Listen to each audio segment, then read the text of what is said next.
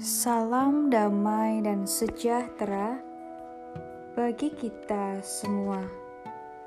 Saudara yang terkasih, hari ini kita akan bersama-sama merenungkan firman Tuhan yang diambil dari 1 Yohanes pasal 2 ayat 9. Barang siapa berkata, bahwa ia berada di dalam terang, tetapi ia membenci saudaranya.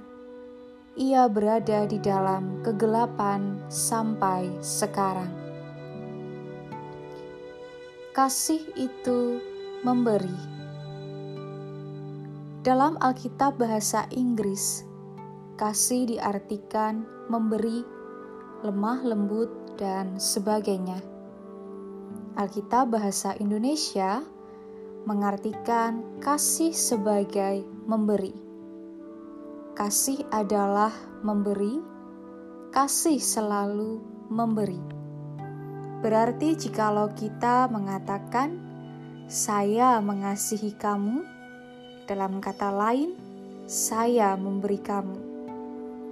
Ketika terjadi pertengkaran antara teman, bahkan saudara, sering kita mendengar kalimat yang demikian. Saya tidak mau memaafkan kalau ia tidak meminta maaf. Pertanyaannya, apakah ketika orang lain meminta maaf kepada kita, serta-merta kita langsung bisa memaafkannya? Perintah untuk saling mengasihi adalah perintah lama dan juga baru lama sebab sudah ada sejak Perjanjian Lama. Baru karena Yesus menjelaskannya secara radikal.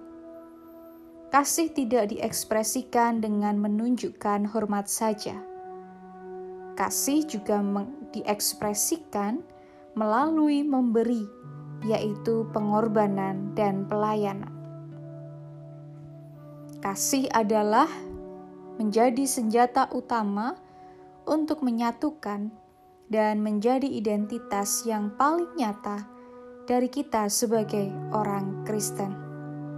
Kasih menjadi cahaya yang memimpin kita untuk berjalan di dalam terang, karena kita tidak bisa bertumbuh secara spiritual ketika kita membenci dan menyimpan dendam kepada orang lain relasi kita dengan Tuhan akan menghasilkan relasi yang baik dengan sesama.